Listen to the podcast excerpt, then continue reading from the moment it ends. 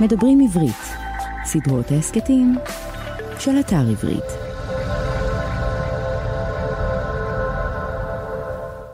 שלום לכולכם, שלום לכולכן, אנחנו הכיפות והשועל בדף של ספרים ורעיונות לסקרנים ולסקרניות. שמי שמואל רוזנר, אבל יש ימים שבהם הייתי שמח לו יכולתי להיות טוביה צפיר, או לפחות לקבל איזו מנה מהכישרון של טוביה צפיר, לחכות פוליטיקאים. לו היה לי מהכישרון הזה של טוביה צפיר, יכולתי לפתוח את ההסכת הזה בחיקוי במקום בציטוט. חיקוי של דוד בן גוריון, מהשבעה בינואר 1952 דוד בן גוריון עומד על בימת הכנסת ואומר משפט שנחרט בהיסטוריה, נחרט בזיכרון. בל יהיו רוצחי עמנו גם יורשיו. זה משפט חזק וקשה שלא לשים לב להקשר שבן גוריון עושה, זה בעצם משפט שמהדהד את דברי התוכחה של אליהו הנביא לאחאב המלך. בעצם משהו ממוסר הנביאים. מוסר הנביאים מופיע כאן, מוסר הנביאים מופיע גם במגילת העצמאות. למי שלא זוכר את הסיפור, אחאב מלך ישראל חשק בחרמו של נבות היזרעאלי, הוא מציע לנבות למכור את הכרם, נבות מסרב, איזבל רעייתו של אחאב מארגנת משפט ראווה שבסופו נבות מוצא את מותו. אחאב יורש את הכרם ואז בא אליו אליהו ודיברת אליו לאמור כה אמר אדוני הרצחת וגם ירשת ודיברת אליו לאמור כה אמר אדוני במקום אשר לקקו הכלבים את דם נבות ילוקו הכלבים את דמך גם אתה. בדברי דוד בן גוריון יש כמובן משל ונמשל הנמשל הם הגרמנים, הם נמשלים לאחאב ולאיזבל. היהודים נמשלים לנבות היזרעאלי, זה שמוצא את מותו. ומי הוא בן גוריון במשל הזה? בן גוריון הוא האיש שמשחק את הנביא, הוא אליהו. בשם מוסר הנביאים הוא עומד על במת הכנסת וקורא בל יהיו רוצחי עמנו גם יורשיו. זה יום קשה בכנסת ישראל, זה יום קשה במדינת ישראל, יום שבו עומד מנחם בגין בכיכר ציון בירושלים, שוב שבעה בינואר 1952, וכה אומר מנחם בגין, אם הייתי טוביה צפיר, הייתי מקריא את זה בקולו. באם חרפה זאת תקום, אם זה יהיה, לא נראה אותה כממשלה יהודית. למחרת קבלת החלטה זו נשלח את המכתבים ונודיע כי אין משלמים מיסים לממשלה ההולכת למשא ומתן עם הגרמנים. או כסף גרמני או כסף יהודי, שניהם יחד לא ייתכנו.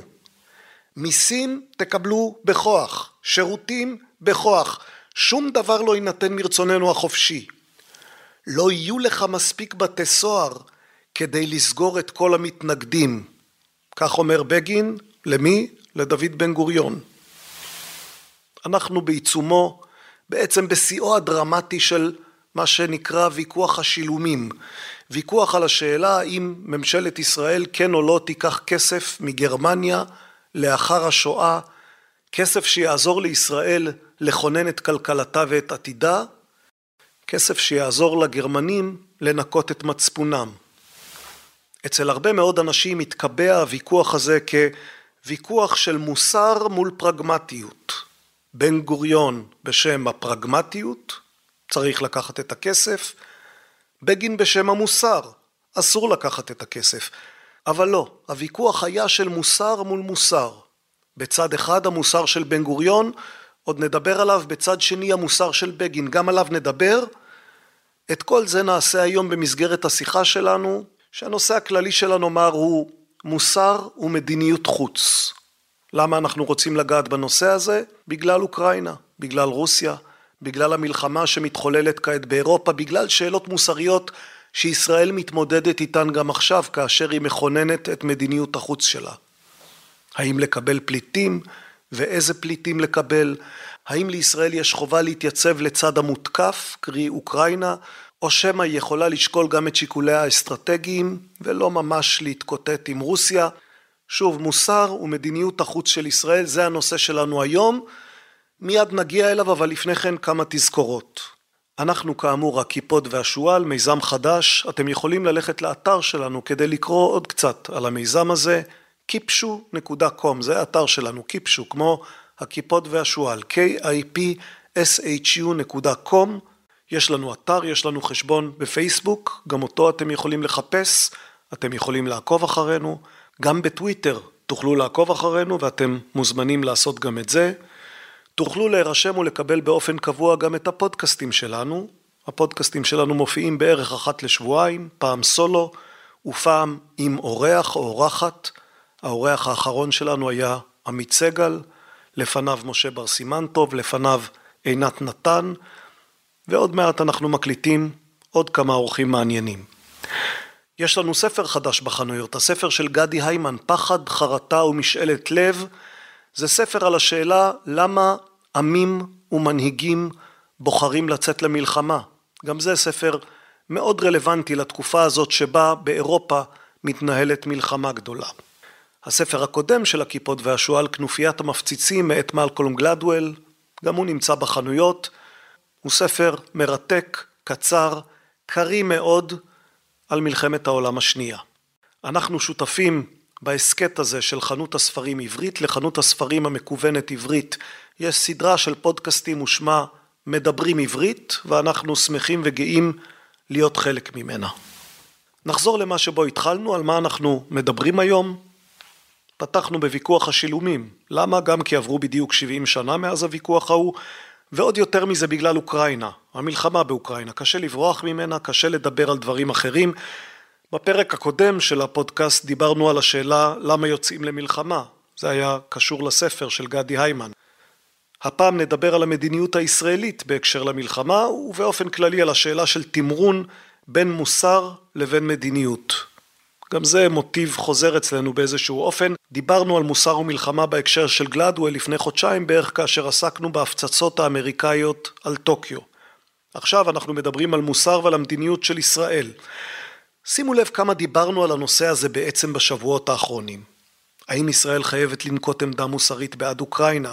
האם היא חייבת לקבל פליטים? והאם רק יהודים או לא רק יהודים כי זה מה שמוסרי? האם היא צריכה לספק לאוקראינה נשק גם במחיר של קרע עם ולדימיר פוטין ועם הרוסים? חלק אומרים האינטרס הישראלי קודם. חלק אומרים המוסר והמהדרין אומרים המוסר היהודי הוא מה שחשוב. מה משני אלה קובע?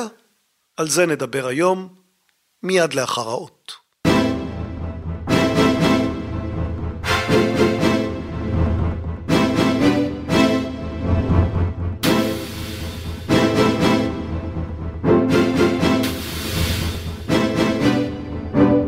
שוב שלום לכם ולכן, אנחנו כאמור הכיפות והשועל, מדף של ספרים ורעיונות לסקרנים ולסקרניות, והיום נעסוק בענייני מדיניות ובענייני מוסר ובניסיון לאזן בין השניים, ואולי נתחיל בכמה נתונים שפרסמנו ממש לפני כמה ימים באתר המדד. אתר המדד הוא אתר שעוסק באיסוף, ניתוח ופרסום של נתונים, בעיקר על מדינת ישראל. זה אתר שאני שותף בו יחד עם שני עמיתים, פרופסור קמיל פוקס ונוח סלפקוב.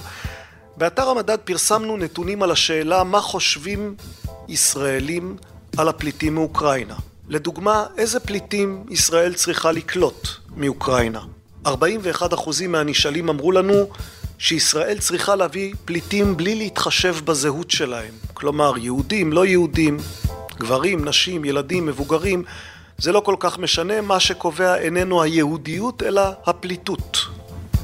עוד 34 אחוזים אמרו לנו שישראל צריכה להביא בעיקר יהודים, משום שבעיניהם זו כנראה חובתה המרכזית, אבל היא צריכה להביא גם לא יהודים, ותכף נברר כמה בדיוק. כרבע אמרו שישראל צריכה להביא רק יהודים, כלומר למלא את מכסת הפליטים שהיא צריכה להכניס לכאן מאוקראינה או מאוקראינה ומרוסיה רק בכך שתכניס לישראל יהודים, אפשר להניח שמדובר בזכאי חוק השבות. אז שוב, 25% רק יהודים, 34% בעיקר יהודים, אבל לא רק יהודים, 41% פליטים בלי להתחשב בזהותם. וכמה צריך להביא לכאן? בואו נדבר על אלה שלא אומרים רק יהודים. אלה שאומרים רק יהודים, אומרים רק יהודים ומן הסתם מתכוונים ליהודים ללא הגבלה. אבל מכל האחרים, מאותם 75 אחוזים שמוכנים להכניס לכאן גם לא יהודים, אז כמה בדיוק הם מוכנים להכניס? 35 אחוזים מהם, כלומר כשליש. אמרו לנו שישראל צריכה להכניס על פי אותו קנה מידה של שאר המדינות שמכניסות פליטים, באופן ספציפי של מדינות אירופה. נניח שפולין מכניסה שני אחוזים מאוכלוסייתה, אז גם ישראל תכניס שני אחוזים מאוכלוסייתה. נניח שהולנד מכניסה אחוז ורבע מאוכלוסייתה, אז גם ישראל תכניס אחוז ורבע מאוכלוסייתה. כלומר, הדגם שלנו הוא הדגם של מדינות אירופה. מה שעושות כל המדינות שקולטות את הפליטים מאוקראינה, כך צריכה לעשות גם ישראל. לעמוד בסטנדרט של מדינות אחרות. אחרים נתנו לנו תשובות מספריות. תשעה אחוז אמרו עד חמשת אלפים פליטים, שמונה עשר אחוז, כמעט חמישית אמרו עד עשרת אלפים פליטים, חמישה עשר אחוז אמרו חמישים אלף פליטים, חמישה אחוז אמרו מאה אלף פליטים, ועוד שמונה עשר אחוז, שוב זה לא מעט, כמעט חמישית, אמרו בלי הגבלה. פליטים בלי הגבלה. אלה כאמור נתונים מאתר המדד שמתייחסים לפליטים מאוקראינה, אבל לך תדע מה בדיוק זה אומר, מה זה אומר על מוסר ועל אינטרסים. על זה הרי אנחנו מדברים היום, בגלל זה פתחנו בהסכם השילומים עם גרמניה. כי גם ביחס אליו עמדה בדיוק אותה שאלה, אינטרס או מוסר. כלומר, השאלה הזאת מלווה את ישראל, היא מלווה גם מדינות אחרות כבר מראשית דרכה. אז נחזור לשילומים ונזכיר את ההקשר בלי לפרט יותר מדי. השנה היא 1952, שבע שנים לאחר השואה, מדינת ישראל היא מדינה צעירה שזקוקה למשאבים, זקוקה לכסף. הגרמנים מציעים לפצות את ניצולי השואה, להעביר כסף לישראל תמורת כל הרכוש שנגזל. הגרמנים הרי לא רק רצחו הרבה מאוד יהודים, הם גם לקחו את רכושם. גם אלה שברחו בדרך כלל השאירו את רכושם מאחור, כך שמדובר בהרבה מאוד רכוש והרבה מאוד כסף שהגרמנים הרוויחו על חשבון היהודים, ואת הכסף הזה הגרמנים מציעים עכשיו לשלם. לא נגולל כאן את כל פרשת השילומים, מי שרוצה לדעת את כל הפרטים כדאי לו שילך לאתר העמותה למורשת משה שרת, שם יש הקדמה של פרופסור יחיעם וייץ, אפשר לקרוא אותה ואפשר להבין ממנה מה קורה. גם בביוגרפיות השונות שנכתבו על דוד בן גוריון אפשר למצוא לא מעט פרטים על התקופה ההיא, על השיקולים של בן גוריון ועל המלחמה שנוהלה נגדו. אפשר לקרוא למשל מתוך הספר של מיכאל בר זוהר על בן גוריון. הוא מספר על הסערה שפרצה מיד כאשר נודעה הכוונה של מדינת ישראל לקחת כסף מהגרמנים. הנה כך הוא כותב רבים וטובים בתוך מפא"י ובהם גולדה מאיר, יוסף שפרינצק ודוב יוסף התקוממו נגד ההצעה לנהל משא ומתן עם גרמניה. גם בקרב המפלגות הדתיות, שותפותיה של מפא"י בקואליציה, היו שהתנגדו בלהט לכל מגע עם הגרמנים. לקראת ההצבעה בכנסת רגשה כל הארץ. בארבעה ובחמישה בינואר ארגנו חירות ומפ"ם עצרות מחאה. דיווחים שונים הצביעו על כוונות של הימין לנקוט מעשי טרור. מול עמדת הממשלה קמה חזית רחבה בכנסת ובעם שנשענה על רגשות הכאב והעלבון של מאות אלפי ישראלים. האווירה הייתה, זה מה שכותב בר זוהר, אווירה של מתח ללא תקדים. ואז קם בן גוריון לשאת את דברו. הודעתו הייתה רובה ככולה עובדתית. הוא תיאר ללא פתוס וללא אפקטים רטוריים את השתלשלות מאמציה של ישראל להשיג שילומים מגרמניה באמצעות מעצמות הכיבוש ואת עמדת ישראל כפי שהשתקפה באיגרתה לארבע המדינות. למעלה משישה מיליונים יהודים הומתו בעינויים, ברעב, בהרג ובחנק המוני. רבים נשרפו, נקברו חיים, לא ריחמו על זקנים, נשים וילדים, ותינוקות נגזלו מזרועות אמותיהם והוטלו לתוך הכבשנים. ולפני הרצח ההמוני והשיטתי, בשעתו ולאחריו, בא השוד. אף הוא בהיקף עצום, ללא תקדים, פשע בעל ממדים עצומים כאלה, אין לו כפרה בשום פיצוי חומרי, כל פיצוי שהוא. ויהא גודלו אשר יהיה, אין בו שילומים על אובדן חיי אדם או כפרה על סבל וייסורים של אנשים ונשים, ילדים, זקנים וטף. אולם העם הגרמני, גם אחרי מיגור שלטונו של היטלר, עודנו מוסיף ליהנות גם במערב וגם במזרח מפירות הטבח והביזה, השוד והגזל של היהודים שנרצחו. ממשלת ישראל רואה עצמה חייבת לתבוע מהעם הגרמני להחזיר הרכוש היהודי שנגזל. ואז בא המשפט שהזכרנו, המשפט שהזכרנו קודם, בל יהיו רוצחי עמנו גם יורשיו. בדיוק באותו זמן ולא כל כך רחוק משם, בסך הכל כמה מאות מטרים מבניין הכנסת בכיכר ציון, שם מופיע מנחם בגין בעצרת ציבורית, עצרת המונים. הוא נאם נאום נרגש, נאום שונה מאוד מזה של בן גוריון. בגין, כך כותב בר זוהר, שלהב את שומעיו. כאשר יריתם בנו בתותח, הוא מתייחס כמובן לפרשת אלטלנה, אז נתתי פקודה לא. היום אתן את הפקודה כן. מה זאת אומרת כן? למה בגין מתכוון בדיוק? תשמעו מה אומר יצחק מאיר לוין, איש החזית הדתית המאוחדת, כלומר מחוקק של אותם ימים, שר הסעד של אותם ימים. תשמעו מה הוא אומר בממשלה. לפי דעתי, אסור שיהיה לנו קשר עם הגרמנים, כי מלחמה לנו בעמלק מדור לדור. הם רצחו שישה מיליונים יהודים, האם עם הרוצחים האלה נבוא בדברים? הממשלה של העם היהודי, ממשלת ישראל, צריכה להכריז שאין לנו קשר איתם. דבר הרצח לא יכופר להם, לא על ידי מיליוני מרקים ולא על ידי מיליוני לירות. אין לנו מה לדבר על משלחת לגרמניה. זו עמדתו של שר הסעד. יצחק מאיר לוין, שהיה ניצול שואה, חבר הממשלה היחיד של אותם ימים, שהיה ניצול שואה. העמדה שלו היא בלי ספק עמדה שנשענת על אדנים של מוסר. אסור להיות בקשר עם הגרמנים.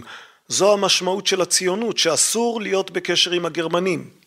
יצחק מאיר לוין מדבר בשם העם היהודי, בשם הציונות, בשם התחדשות העם בארצו, אבל הוא לא היחיד שמדבר בשם כל הדברים האלה.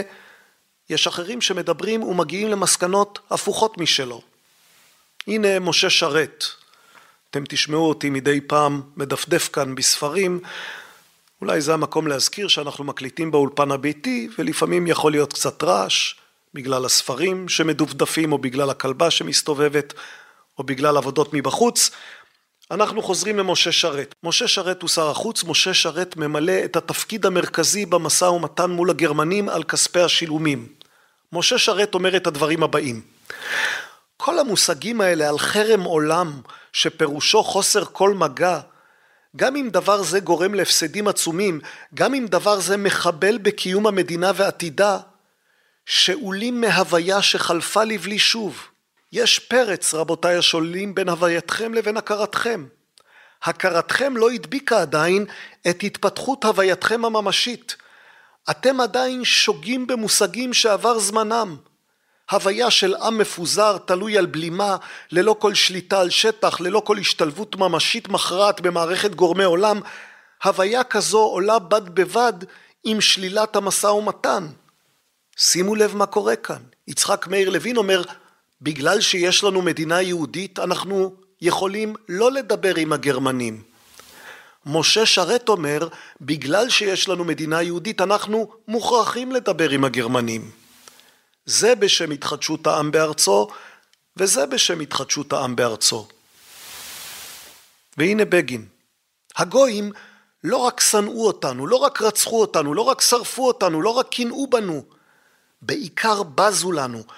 ובדור הזה שאנו קוראים לו האחרון לשעבוד וראשון לגאולה, בדור שבו זכינו לעמדת כבוד, בו יצאנו מעבדות לחירות, אתם באים בגלל כמה מיליוני דולרים טמאים, בגלל סחורות טמאות, לקפח את מעט הכבוד שרכשנו לנו? שוב, התחדשות העם בארצו, מה מחייבת אותנו הציונות? מה מחייבת אותנו הקמת המדינה? האם הקמת המדינה פירושה אחריות שפירושה משא ומתן עם כל אחד כולל אפילו הגרמנים? או שמא הציונות, שמא הקמת המדינה הם אלה שיכולים לאפשר לנו לסרב לדבר עם הגרמנים, להיות הדור האחרון לשעבוד וראשון לגאולה, כמו שאומר בגין.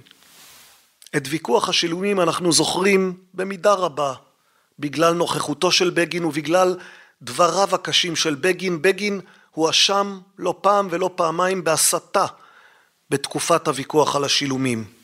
כבר הזכרנו קודם את הנאום של בגין שבו הוא מאיים על הממשלה שיהיה מרד מיסים, שיהיה חוסר ציות, שהוא לא יקבל יותר את ממשלת ישראל כממשלה לגיטימית.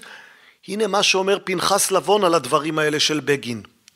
שמענו כאן הודעה רבת משמעות. במידה שהיא רצינית זוהי הודעה על התכוננות למרד במדינת ישראל. שמענו הודעה לא יקום ולא יהיה כי אני לא אתן. שמענו הודעת תגר ומלחמה על החופש והעצמאות של מדינת ישראל. שמענו הודעה שאנו חוזרים לימים שבהם תוכל כנופיה, ויהיו המוטיבים שלה מה שיהיו, להטיל בכוח הזרוע את רצונה על המדינה. הודעה זו ומעשה זה שהיינו עדים לו היום אומרים לנו הרפובליקה הצעירה של ישראל נמצאת בסכנה. לפני שאלת השילומים ולאחר שאלת השילומים תישאר השאלה המכרעת לכולנו כיצד נחיה במדינה זו ואיך נכריע בה? האם נכריע כעם חופשי או בכוח האקדוח? לא במקרה אני אומר בכוח האקדוח. חובה עליי לומר שאדונים אלה, פנחס לבון מכוון כמובן לבגין ולחבריו, אדונים אלה עוסקים בימים אלה גם בהסתה לרצח. אם תקרא את הכתוב ואם תקרא את הנאומים, לא תמצא לזה פירוש אחר מפירוש פשוט זה.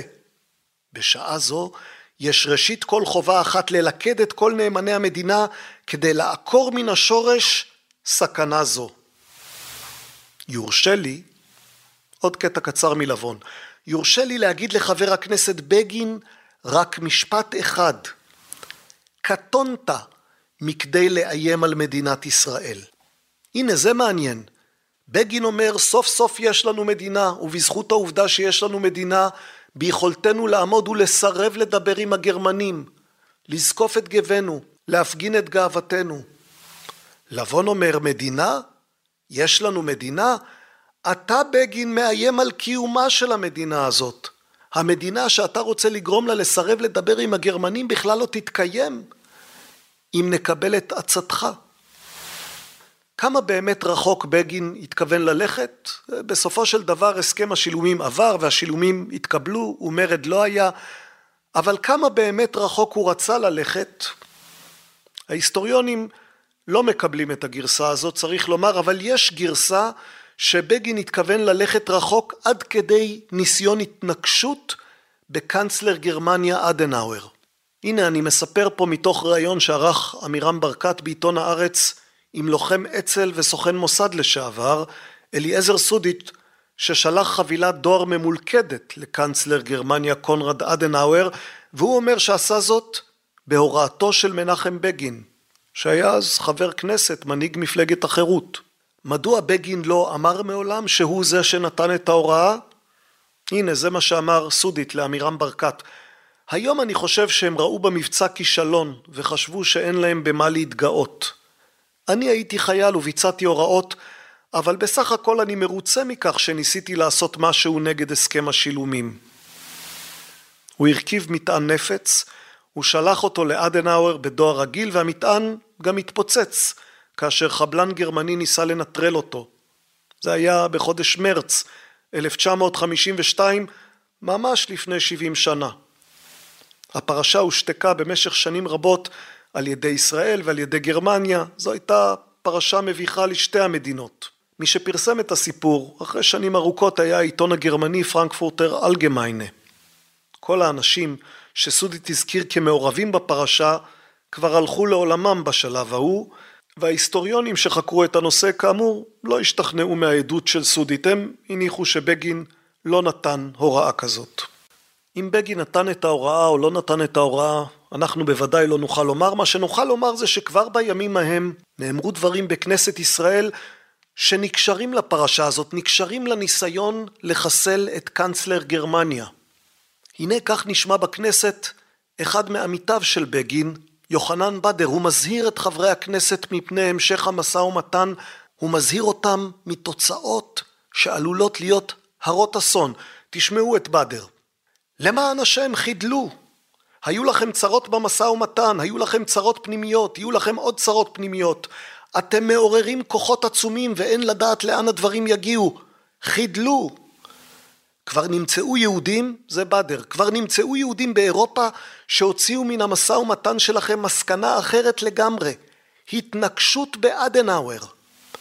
ואני, אני בוודאי לא אצטער על מותו של שום גרמני. עד היכן עוד יגיע הדבר? למה אתם מביאים? חידלו. אתם מעוררים כוחות נפשיים עצומים, כוחות מרירות, כוחות ייאוש, כוחות התנגדות. למדינה זו אין דרושים זעזועים כאלה. לעולם אין דרושים זעזועים כאלה, וגם כסף לא תקבלו. עד כאן יוחנן בדר. עכשיו נתכנס כדי לדבר קצת על הדילמה, הטיעונים והמשמעויות. אמרנו, זו ישראל צעירה, 1952, אתם ודאי זוכרים, היא קמה ב-1948, כלומר אנחנו בסך הכל שלוש-ארבע שנים אחרי תחילתה של מדינה צעירה, אחרי מלחמת העצמאות, אין כסף, צריך כסף, למה צריך כסף? לקליטה, לביטחון. האם אלה אינטרסים של המדינה? בוודאי, קליטה וביטחון הם אינטרסים של המדינה. האם אלה גם אינטרסים שיש מאחוריהם מטרה מוסרית? בן גוריון וחבריו חושבים שכן, הצלת העם היהודי היא המטרה המוסרית. לכן בן גוריון בוחר בשילומים. הוא רואה אינטרס ישראלי שבעיניו הוא גם הביטוי הנכון והמוסרי למה שצריך לעשות. בעצם בכל תקופת הוויכוח על הסכם השילומים, המרכז הישראלי, המיינסטרים הישראלי, תומך בהסכם השילומים. מי מתנגד לו? מתנגדים לו שני המחנות שבשני הקצוות. הרוויזיוניסטים מצד ימין, הקומוניסטים מצד שמאל. במקרה ההוא, כמו בהרבה מקרים אחרים, נדמה לנו שהאמצע הוא פשרן. האמצע מעדיף אינטרסים על פני אידיאולוגיה, הקצוות הם אלה שנאמנים לדרך אידיאולוגית, לכן הם הרבה פעמים נראים לנו כיותר מוסריים.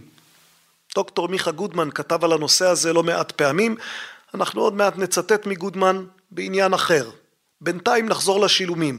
ישראל רואה את עצמה כנציגת העם היהודי, לכן היא צריכה לקחת שילומים, זה שיקול אחד. ישראל נמצאת לקראת בחירות, זה שיקול שני, לא בדיוק שיקול מוסרי.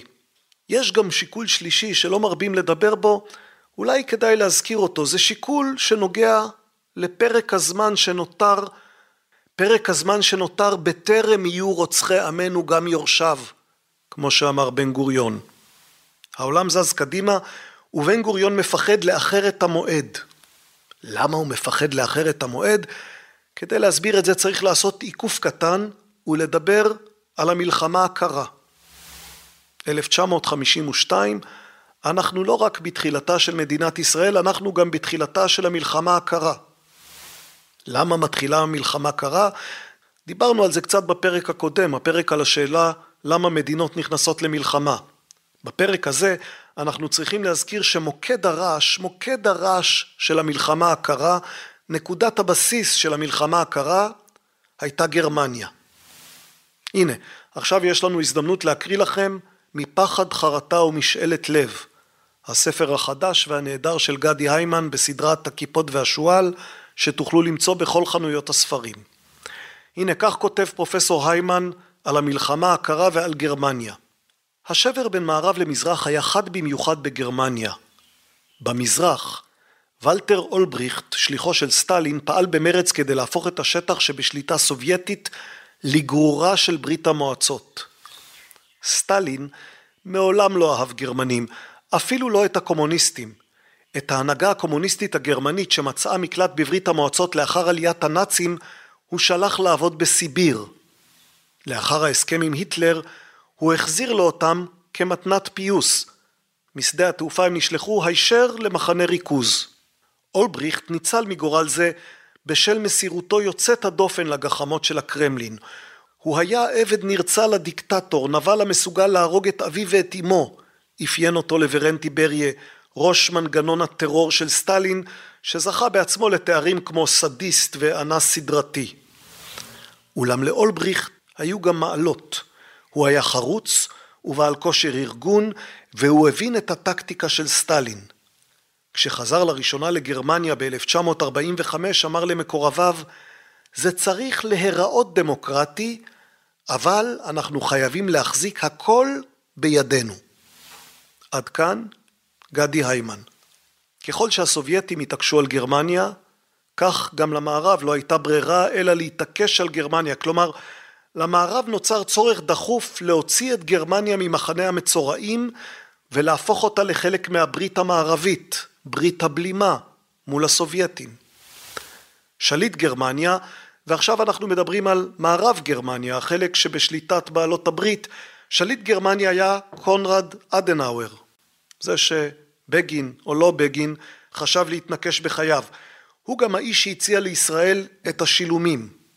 בואו נאמר כמה מילים על אדנאואר, בעצם נקריא כמה מילים על אדנאואר, המילים הן מילותיו של הנרי קיסינג'ר, שהיה היועץ לביטחון לאומי והיה גם שר החוץ בממשלים של ריצ'רד ניקסון ושל הנרי פורד בארצות הברית. בספר דיפלומטיה קיסינג'ר כותב על אדנאואר כך: לאדנאואר היו תווי פנים מעין מפוסלים של קיסר רומאי, אך עצמות לחייו הגבוהות ועיניו המלוכסנות מעט הזכירו במשהו כובש הוני שיצא למסע מפרך לרוחבו של חבל הריין באלף הראשון לספירה.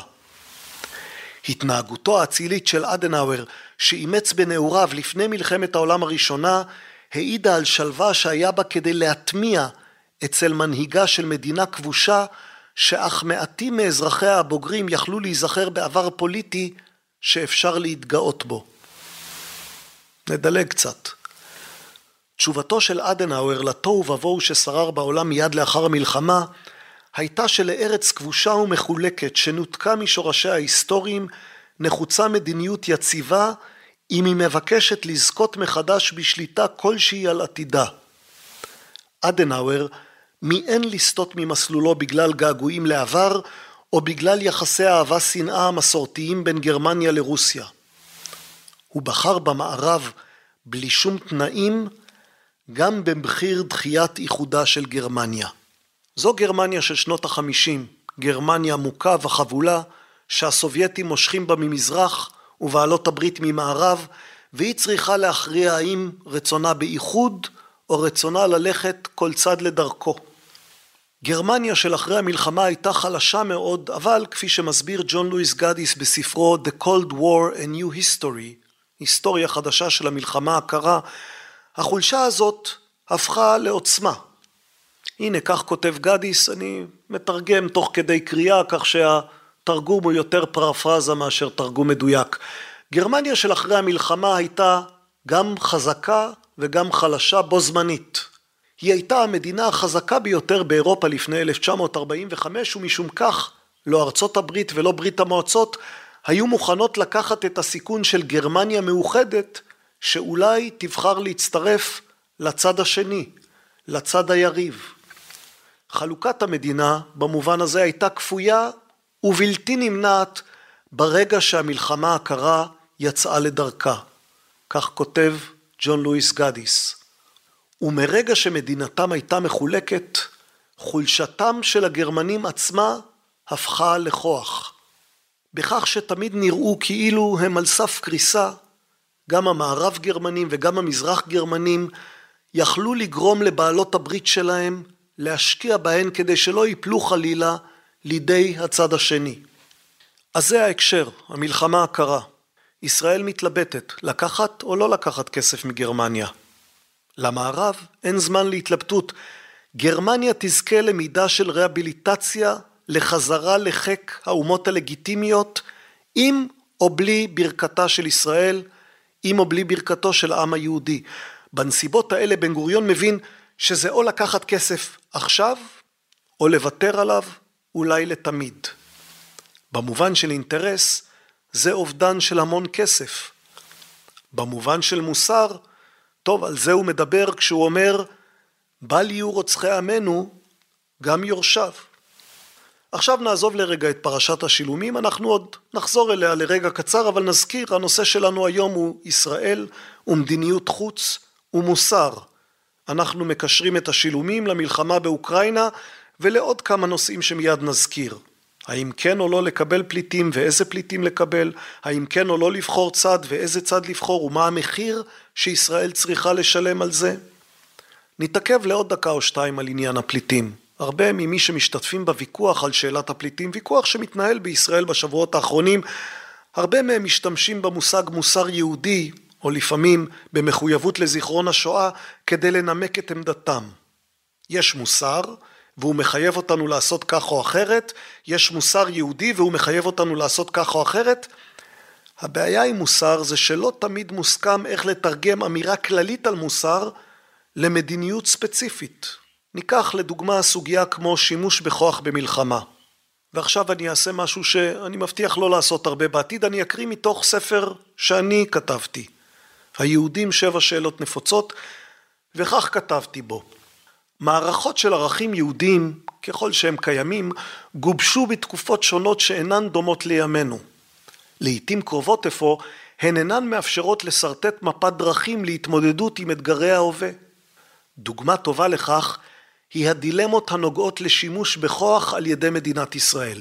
הנה מהותו של הקושי. ישראל היא מדינה שבה רוב יהודי, הנסמכת על ערכים יהודיים כפי שאוכלוסייתה מפרשת אותם. מנגד, היכולת של ישראל להשתית את תורת המערכה הצבאית שלה על ערכים יהודיים מוגבלת. במסורת היהודית קיים ערך של שמירה על חיי אדם. היהדות אוסרת הרג. לצד איסור זה, קיים גם ערך של הגנה על חיי יהודים. כדברי קהלת, יש עת מלחמה, כלומר, לעתים נדרשת הכרעה לטובת ערך אחד על חשבון ערך אחר. לעתים יש צורך שאדם יהרוג ושאדם ייהרג. למרות ששתי הפעולות האלה הן בגדר הפרות של התורה. גם ההיסטוריה היהודית ולקחיה לא בהכרח מספקים מפתח לשימוש ראוי בכוח. מצד אחד הם תמרור אזהרה לאנושות נגד שימוש לא ראוי בכוח. ומצד אחר הם אזהרה ליהודים שאם לא יגנו על עצמם, איש לא יגן עליהם. ישראל, זהו, עד כאן הציטוט, ישראל יצאה להרבה מלחמות. האם זה עושה אותה למדינה לא מוסרית כי היא יכלה להימנע מהן, או יותר מוסרית כי היא נלחמה מחוסר ברירה? השאלה כאן היא בעצם לא שאלה על מוסר, אלא שאלה על הערכת המציאות. אצל מיכה גודמן, הזכרנו אותו קודם ואמרנו שנשתמש בו לעניין אחר. אצל מיכה גודמן יש תיאור יפה, עצוב, אבל יפה, של היחסים בין ישראלים לבין פלסטינים. כל אחד חושב שהצד השני הוא הצד הלא מוסרי, וגם יודע לקשר את היעדר המוסר ללקחי ההיסטוריה. הנה גודמן, זה מהספר מלכוד 67, הרעיונות מאחורי המחלוקת שקורעת את ישראל. הפלסטינים עומדים מול הישראלים ומזהים קולוניאליזם אירופי. הישראלים עומדים מול הפלסטינים ומזהים אנטישמיות אירופית. כל אחד מהצדדים רואה בשני את אירופה בגרסתה המכוערת והמאיימת ביותר. כל אחד רואה בשני תוצר של תופעה נרחבת שהוא קטן מולה, שהוא הקורבן שלה. לפי הנרטיב של הפלסטינים, הם הקורבן של ישראל. לפי הנרטיב של הישראלים, הם הקורבן של הפלסטינים. בסכסוך הזה, כל אחד הוא הקורבן של הקורבן שלו. עד כאן מיכה גודמן, כמו שאמרתי, קטע יפה אבל באמת קצת עצוב. עכשיו נחזור למהגרים. אנחנו עוסקים במהגרים מאוקראינה לישראל, אנחנו עוסקים בשאלות של מוסר. לפני כמה שנים עסקתי בפרשה אחרת שהסעירה את ישראל לחצי דקה או דקה וחצי מהפרשות האלה שבאות והולכות, וגם היא קשורה להגירה, אמנם לא להגירה לישראל. זה היה המקרה של המיליארדר היהודי ג'ורג' סורוס בהונגריה. הוא זימן לישראל דילמה מעניינת, אם כי לא חסרת תקדים. ג'ורג' סורוס חתר לשינוי המדיניות של הונגריה. הוא חתר לעשות את הונגריה למדינה זמינה יותר למהגרים. לסורוס יש כסף רב שמאפשר לו לתפעל קמפיינים ולממן עמותות. יש לו סדר יום שהיה מנוגד לסדר היום של הממשלה ההונגרית. יש לו כוח לסורוס אבל גם לממשלת הונגריה יש כוח. הוא בחר לצאת בקמפיין אגרסיבי לטובת הגירה להונגריה, ממשלת הונגריה בחרה להכות בחזרה בקמפיין אגרסיבי שקורא להונגרים לא לתת לסורוס לצחוק אחרון. לכאורה לישראל אין קשר לעניין הזה ולא צריך להיות לה עניין בעימות הזה, אלא שעניין כזה יתעורר, וכל כך למה? משום שסורוס הוא לא סתם עשיר אמריקאי, אלא יהודי ממוצא הונגרי. ומשום שסורוס לא מנסה להשפיע רק על הונגריה באמצעות עמותות, הוא מנסה להשפיע גם על המדיניות של מדינת ישראל. ומשום שהקמפיין ההונגרי נגד סורוס היה נגוע, איך לומר, בנימות ספק אנטישמיות. ומשום שבדיוק באותו זמן ראש ממשלת ישראל בנימין נתניהו יצא לבקר בהונגריה. אז הנה מה שקרה, שגריר ישראל בהונגריה החליט למחות נגד הקמפיין הממשלתי ההונגרי בגלל שהבחן בו נימה אנטישמית. הוא לא בהכרח טעה, היו בקמפיין הזה נימות אנטישמיות. אבל ראש ממשלת ישראל, שכאמור בדיוק יצא לביקור בהונגריה, שינה את ההחלטה. במקום גינוי להונגרים, הוא העדיף גינוי לסורוס. יש סיבות לגנות את ההונגרים, יש לישראל לא מעט סיבות לגנות גם את סורוס. כלומר, זה מקרה מהסוג המוכר שבו כולם צודקים. גם אלה שחשבו שעל ישראל להזהיר מפני כל נימה של אנטישמיות נגד כל יהודי, גם אלה שחשבו שסורוס, שהוא יריב ערמומי שפועל לפעמים לפגוע בישראל, הוא אחד מהיהודים האחרונים שראויים להגנה ישראלית. הנה אולי גם זו שאלה מתחום המוסר המדיני שבו אנחנו עוסקים היום. האם כל יהודי ולא משנה מה הוא יעשה ראוי שישראל תגן עליו? האם כל ביטוי של שנאה ולא חשוב מה המחיר לישראל רצוי שישראל תצא נגדו? נשתמש בעוד שני סיפורים קצרים כדי להשיב על השאלה הזאת. יש כמובן סיפורים כאלה בעשרות ולא רק שניים.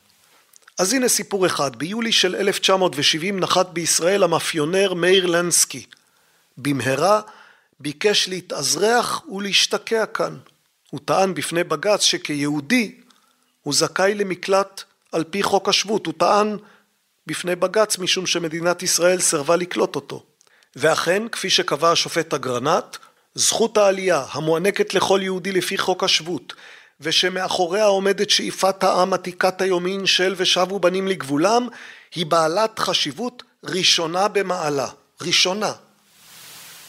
האמנם ראשונה?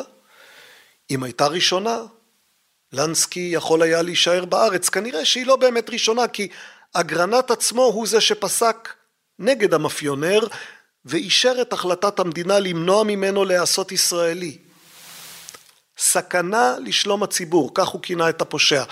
בעיניו זכותו של הציבור היהודי בישראל לחיים ללא פשע קודמת לזכותו של היחיד היהודי המתדפק על דלתה. זה סיפור אחד. עכשיו סיפור שני. בשנת 2015 נמנו מאה שנים לרצח העם הארמני בידי הטורקים. ישראל בילתה את השנים האלה בהכחשה מדעת, מעולם לא הכירה בזוועה באופן רשמי. ההשוואה למאורעות האימים של השואה, הטענה על חובה מוסרית של ישראל, היחסים המידרדרים עם טורקיה, הזמן שחלף, כל אלה לא הזיזו את הממשלה מעמדתה הקשוחה. בעיניה זכותו של הציבור היהודי בישראל לחיות בביטחון במרחב המסובך של המזרח התיכון קודמת לחובתה המוסרית של ישראל להכיר באירוע היסטורי. אפשר כמובן לחלוק על ההחלטה הזאת של ישראל גם בשאלת המקלט הבטוח למאפיונר לנסקי וגם בשאלת השואה הארמנית. אפשר לחלוק על החלטתה של ישראל גם בעניינו של המיליארדר סורוס. אבל המדדים צריכים להיות סבירים. מהם מדדים סבירים? כדאי לשקול מה התועלת לישראל מביקורת על הונגריה ומה הנזק שיגרם לה. כדאי לשאול עד היכן מגיעה חובתה של ישראל להגן על סורוס והיכן היא נגמרת. כדאי גם להבחין בין קמפיין אנטישמי ממש לבין קמפיין שנודף ממנו ריח לא נעים אבל אינו מגיע לכדי אנטישמיות גלויה ובוטה. ועוד כדאי להבחין בין יהודי שנופל קורבן להתנכלות מרושעת לבין יהודי, וזה לפעמים המקרה של סורוס, שמתגרה בציבור גדול ומן הסתם מצפה לספוג חבטה נגדית. נחזור מסורוס לארמנים. כי אמרנו, גם זו דוגמה טובה למדיניות ישראלית רבת שנים, שכמו פרשת השילומים עימתה את ההנהגה עם שאלות של תועלת מדינית מול אינסטינקט מוסרי. מה בדיוק קרה עם הטורקים והארמנים? ספר חדש יחסית של דרור זאבי ובני מוריס, לילה ללא סוף, השמדת הקהילות הנוצריות בטורקיה 1894-1924, מספר את הסיפור הזה, זה ספר בהוצאת עם עובד, וברשותם אקריא לכם קטע מתוכו. האם תוכננו הגירושים, הגירושים של הארמנים, להוביל להשמדת עם או לכלול בתוכם מרכיבים של השמדת עם, כלומר האם היה מותם של בין מיליון לשני מיליון ארמנים, יוונים ואשורים במלחמת העולם הראשונה חלק מתוכנית אב של הממשלה באיסטנבול? ואולי, אולי נבעו המיטות האלה משילוב של תנאי מלחמה ויוזמות מקומיות שנקטו מושלים, פושעים ובני שבטים, שמניעיהם היו אידיאולוגיה, פחד, תאוות בצע, תאווה מינית ולהט דתי. ואם כך היה, האם ייתכן שהמדינה לא ידעה על הרג ההמונים? ואולי ידעה והייתה חלשה מכדי להתערב ולמנוע אותו? הסוגיות האלה שנויות במחלוקת, כותבים זאבי ומוריס, מפני שהאקדח המעשן לא נמצא. לא נמצא עותק של תוכנית אב עות'מאנית כללית ולא עותק של פקודת השמדה כוללת. ואף אין בנמצא פרוטוקולים של ישיבות מועצת האיחוד והקדמה שבהן עסקו בהשמדה והסכימו עליה. ודאי שלא הייתה הכרזה פומבית על מדיניות של רצח עם. לאמיתו של דבר, לפעמים התנהגות העות'מאנים ב-1914-1918 לא טעמה מדיניות כוללת שכזאת. במקומות מכריעים, במיוחד באזמיר ובאיסטנבול, כמעט לא היו גירושים בשנות המלחמה ולא הרג המונים. ובמקומות שמהם גורשו הארמנים בהמוניהם, לא היו מעשי טבח תמיד, על כל פנים לא בתחילה. כך היו הדברים בייחוד בשלבים הראשונים של הגירוש. אילו תכננה הנהגה הרג סיטוני של הארמנים בכל מקום, האם לא היה דפוס המאורעות אחיד בכל רחבי האימפריה בכל תקופת הגירושים? גם מי שמסכים שהממשלה אשמה בהרג ההמונים, יכול לטעון שההתנהגות הרשמית יכולה להעיד על הקצנה הדרגתית במשך מערכת הגירוש עצמה, ולא בהכרח על תוכנית אב כוללת. עכשיו תשמעו את הקטע הזה. הפולמוס על השאלה מה בדיוק תכננו העות'מאנים ומתי, מזכירה את הפולמוס סביב השואה במלחמת העולם השנייה. בשני המקרים עורר היעדרן של עדויות חד משמעיות חילוקי דעות בין מי שכונו אינטנציונליסטים, כלומר אלה המזהים כוונה ותכנון מראש, ובין פונקציונליסטים, הטוענים להקצנה הדרגתית מפשעי מלחמה ספורדיים לרצח עם. בוויכוח על השואה טענו האינטנציונליסטים שהשמדת יהודי אירופה תוכננה זמן רב קודם שהחלה. את זרעיה ואת תוכניתה הכללית אפשר למצוא במיינקאמפ של היטלר ובכתבים אחרים משנות ה-20 וה-30 של המאה ה-20 ומהם עולה שתיאור אתני מקיף של היהודים היה יעדם של הנאצים מלכתחילה. הפתרון הסופי, רצח שישה מיליון יהודים במחנות השמדה ובאתרים אחרים, אמנם החל שנים אחר כך ב-1941, אבל רק מפני שאז הזדמנה לנאצים ההזדמנות עם תחילתו של מבצע ברברוסה, פלישת גרמניה הנאצית לברית המועצות. היסטוריונים פונקציונליסטים לעומת זאת אינם חולקים על היסודות האידיאולוגיים של השואה המצויים בכתבים ובנאומים מוקדמים של העילית הנאצית ובמקורות אחרים, אבל, כותבים זאבי ומוריס, הם טוענים שהתחלת מפעל ההשמדה עצמו הייתה מאולתרת בפעילות הרצח של יחידות אייזנסקרופן בבאבי יאר ובמקומות אחרים בחסות ערפל הקרב של מבצע ברברוסה. מחוללי הפתרון הסופי, אנשי האייזנסקרופן ואחרים באס אס ובוורמאכט, אמנם עשו את מעשיהם בתמיכתה של המדינה ובהכוונתה, אבל מעשי ההרג שלהם היו בגדר תגובה מאולתרת על נסיבות המלחמה, בין שהיו מעשי גמול ובין שהיו פעולות מנע. נעצור כאן, פרשת טבח הארמנים היא כמובן פרשה מרתקת שראויה לדיון ארוך ונפרד, אבל מה מיד בולט כאן? מה מיד בולט בתיאור הזה? בולטת ההשוואה של שואת היהודים ושל טבח הארמנים. אם כך, איך ישראל שמתעקשת כל כך, שמקפידה כל כך בעניין זיכרון השואה, איך היא יכולה לוותר על הקפדה דומה בעניין זיכרון שואת הארמנים? עובדה, עובדה שהיא יכולה. ולא רק שישראל עצמה התקשתה עם הנושא הזה, גם לחבריה ביהדות אמריקה הייתה איתו בעיה, גם להם היה קושי להזכיר את שואת הארמנים בגלל הרצון שלהם לא לפגוע באינטרס הישראלי. אני מתאר פרשה שנוגעת לזה בספר אחר שכתבתי, שטטל בייגל בייסבול, על מצבם הנורא והנפלא של יהודי אמריקה.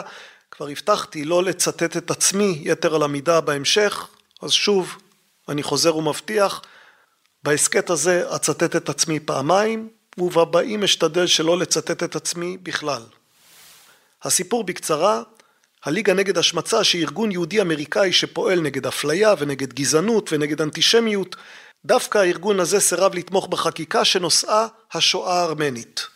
כתוצאה מהסירוב נוצר משבר, נוצר לחץ כבד על מי שהיה אז ראש הליגה נגד השמצה, אייב פוקסמן, לשנות את עמדתו. כשהתברר שהחוק, החוק שעוסק בשואה הארמנית, עומד לעבור בקונגרס, פוקסמן שינה את עמדתו, אבל זה היה פליק פלק מסובך. עכשיו נספר את הסיפור הזה קצת יותר בפירוט, כי הוא באמת נוגע בגרעין הדילמה, בשאלה מה עושים כאשר אינסטינקט מוסרי מתנגש באינטרס מדיני. זה היה בתחילת 2007, חבר קונגרס יהודי אמריקאי, חבר קונגרס דמוקרטי, אדם שיף שמו מקליפורניה, הגיש הצעת חוק שתנסה לכפות על הממשל האמריקני הכרה רשמית בטבח הארמנים. ההנהגה הדמוקרטית בבית הנבחרים באותם ימים, ובראשה, גם אז, היושבת ראש ננסי פלוסי, תמכה בהצעה בהתלהבות ולא נכנעה ללחץ של הלובי הטורקי. הליגה נגד השמצה הייתה קורבן כמעט אקראי של אכזבה, של כעס ארוך שנים, כעס של הקהילה הארמנית-אמריקאית. הארגונים היהודיים הגדולים, כמעט כולם נמנעו מתמיכה בחוק, או לפחות נמנעו מנקיטת עמדה מפורשת ברורה בשאלת הטבח. הנימוק שלהם היה, או בעצם כמה נימוקים, טובת שימור יחסי טורקיה וישראל, טובת שימור יחסי טורקיה וארצות הברית, וגם הגנה על הקהילה היהודית בטורקיה, על יהודי טורקיה מפני מעשה נקם שעלולים לבוא אם וכאשר היהודים יתמכו בחקיקה שמשמעה הכרה בטבח העם הארמני. אלה היו גם הנימוקים של פוקסמן, איי פוקסמן מהליגה נגד השמצה. שימו לב, הטיעון המקורי שלו היה שזו לא עמדה מוסרית מול עמדה בלתי מוסרית. כלומר, הם אלה שרוצים להעביר את החוק מוסריים, אני לא בוחר במוסר אלא בוחר בטיעונים פרגמטיים. הוא חשב שמדובר במקרה שבו צריך לבחור בין שתי עמדות מוסריות, הברירה הפחות גרועה מבין שתיים.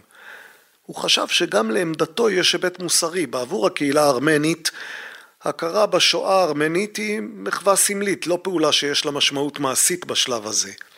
אבל לסיכון היחסים עם טורקיה יכולה להיות משמעות מרחיקת לכת עד כדי סיכון חייהם של יהודים. אם חושבים על זה, פוקסמן הציג עמדה דומה למדי לזו של בן גוריון בתקופת השילומים.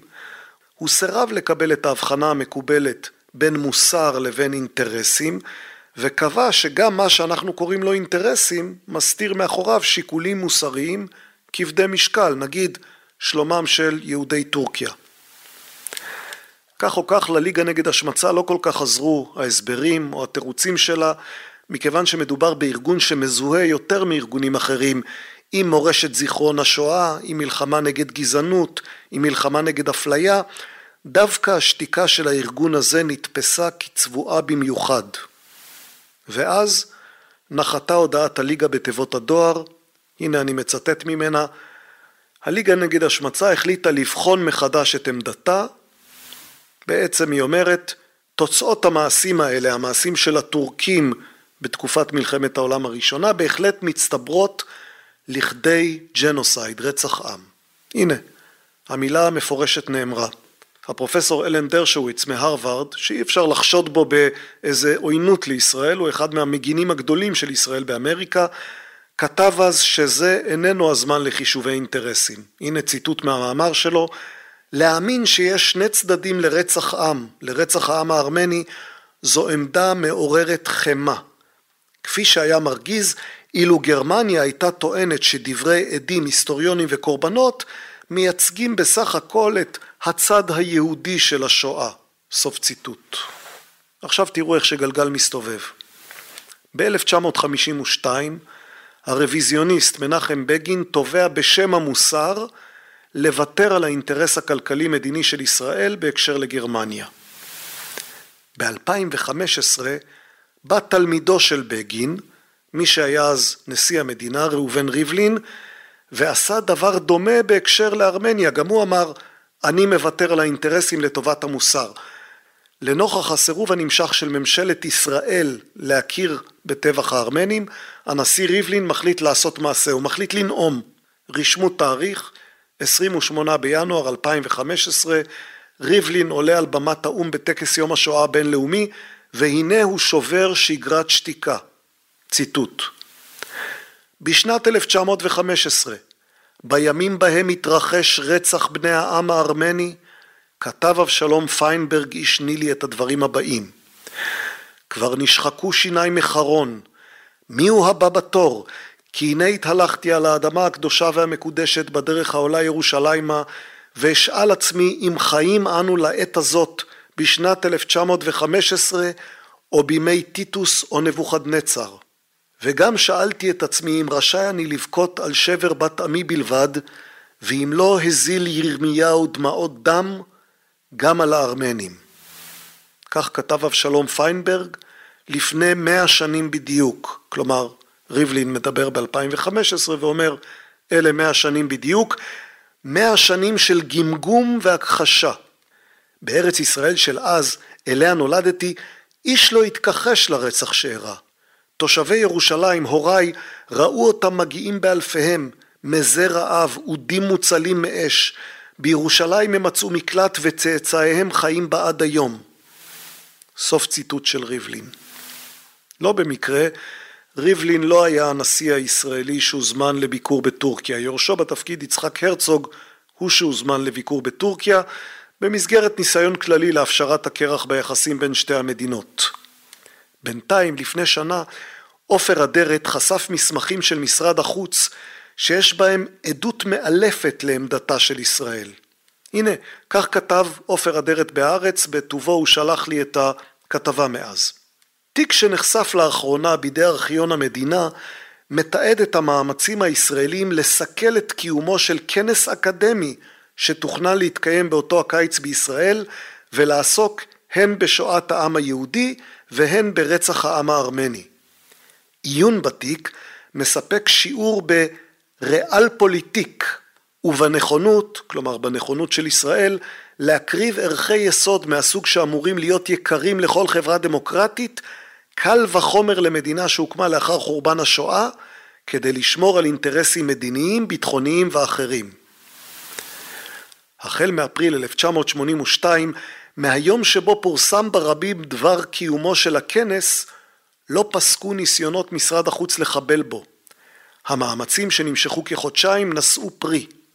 יד ושם הסיר מהכנס את החסות.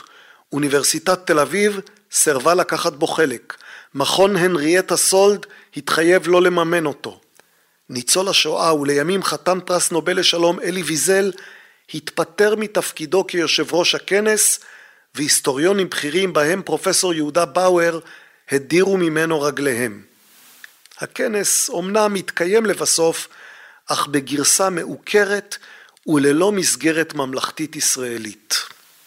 אני ממשיך לקרוא, וזה כבר מתוך המסמך של משרד החוץ מאותה עת. אנו ממשיכים לפעול לצמצום ולחיווץ הנושא הארמני במידת יכולתנו על ידי כל דרך אפשרית. זה משרד החוץ של מדינת ישראל, קיץ 1982. אנו ממשיכים בטיפול אינטנסיבי ומקיף בביטול הכנס או לפחות להוצאת הסעיף הארמני מעל סדר יומו. זה מה שנכתב באותו מסמך. אופס, שמתם לב לשנה? שמתם לב לשנה שבה נכתב המסמך הזה של משרד החוץ הישראלי? הנה הסבר לשאלה למה המסמכים האלה כל כך מעניינים אותי דווקא בהקשר שבו אנחנו מדברים היום. נסו להיזכר, מי היה ראש ממשלת ישראל בשנת 1982? נכון, זה היה מנחם בגין, כלומר ב-1952 בגין זועק מוסר, אסור. ב-1982 הממשלה של בגין שותקת. מוסר? לא רלוונטי. מה שאולי מלמד על עוד עניין קטן. השאלה שלנו, השאלה של מוסר במדיניות החוץ, היא לא רק שאלה של מוסר מול מדיניות של אינטרסים. וזו גם לא רק שאלה של פרשנות מוסרית, כלומר, מה יותר מוסרי, האם יותר מוסרי לסרב לכסף מהגרמנים, או יותר מוסרי לא לתת לגרמנים גם לרצוח וגם לרשת. מעבר לשאלות האלה, של מוסר מול אינטרסים ושל מוסר אחד מול מוסר שני, יש גם שאלה נוספת, אולי היא אפילו השאלה המכרעת. זו השאלה של מי נושא באחריות? מוסר זה טוב לאופוזיציה, זה טוב לבגין של 1952.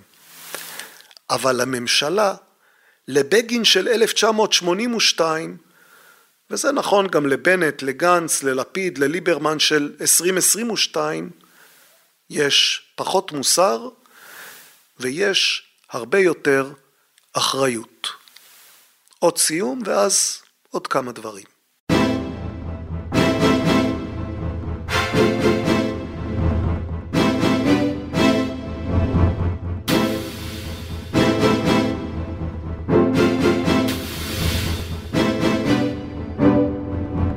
הכיפות והשועל, אנחנו מקווים שנשארתם איתנו עד עכשיו, מדף של ספרים ורעיונות לסקרנים ולסקרניות. נאמר שאת כל הספרים והמקורות שבהם השתמשנו במהלך המשדר הארוך הזה, את כל הספרים והמקורות תוכלו למצוא באתר של הכיפות והשועל, כבר הזכרנו אותו, kipshu.com, kipshu.com אם תבואו לאתר תוכלו לקרוא על המיזם שלנו, הכיפות והשועל, ותוכלו גם למצוא את הספרים והמקורות שבהם השתמשנו היום. ספר אחד נזכיר במיוחד, זה ספר שנקרא פולמוס השילומים שהוציאה העמותה למורשת משה שרת. יש גם אתר אינטרנט של העמותה למורשת משה שרת, והעמותה הזאת מנגישה מאות רבות של מסמכים ופרוטוקולים, כולל כל המסמכים שקשורים למערכות המשא ומתן על השילומים מגרמניה.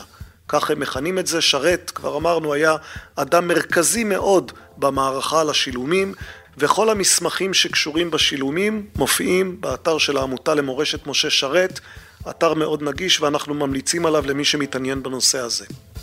תכף כמנהגנו נקרא שיר קצר, לפני כן נזכיר לכם את הספר של גדי היימן, פחד, חרטה ומשאלת לב, הוא בחנויות הספרים. נזכיר לכם את הספר של מלקולם גלדוול, כנופיית המפציצים, גם הוא בחנויות הספרים. נזכיר לכם שיש לנו דף בפייסבוק שנשמח אם תחפשו אותו, הכיפות והשועל, ויש לנו חשבון בטוויטר, נשמח אם תחפשו גם אותו, הכיפות והשועל. בואו לאתר, בואו לקרוא מאמרים, בואו לשמוע פודקאסטים, בואו לקרוא עוד קצת פרטים עלינו, ועכשיו שיר. הזכרנו את אבשלום פיינברג, כלומר הזכרנו את נאומו של הנשיא ראובן ריבלין, שמצטט מתוך אבשלום פיינברג. פיינברג, למי שלא זוכר או לא זוכר בדיוק, היה איש מחתרת נילי, הוא נולד בשנת 1889 בגדרה ונפל ב-20 בינואר 1917 כאשר ניסה לחצות את הקווים הבריטיים דרומית לרפיח. יש בדרמה הקצרה של חייו סיפור של אידיאליזם ושל ריגול ושל הרפתקנות ושל אהבה גדולה ומורכבת לרבקה אהרונסון ולשרה אהרונסון. לא נספר את כל הסיפור הזה כאן, רק נקרא שיר שכתב פיינברג. השיר הזה נמצא במכתב שהוא כתב לרבקה אהרונסון, מכתב משנת 1911. אני לא בטוח אם השיר הוא שיר נפלא, אבל הדמויות, הנסיבות, עושות אותו למשהו. זה שיר שעוד יש לו מקום בזיכרון הלאומי, נקרא אותו ואז נסיים. כי אשבע לך, אוהבך נצח. אל תאמיני ילדה לשבועתי, בכל זאת הושיטי פיך, עינייך והמצח ללטיפתי ולנשיקתי. ימים עוברים, גלים שוטפים, והשמש כל יום זורח. וקרני השמש תמיד מלטפים, ושיר הים תמיד שמח, והבחרות נצח צעירה, למרות הייאושים והלילות, והאהבה תמיד בהירה, ותמיד יפים החלומות, ולתמונה זו או אחרת תמיד אנו נאמנים, והאם השמש בוחרת מקום לקרניה הלטפנים?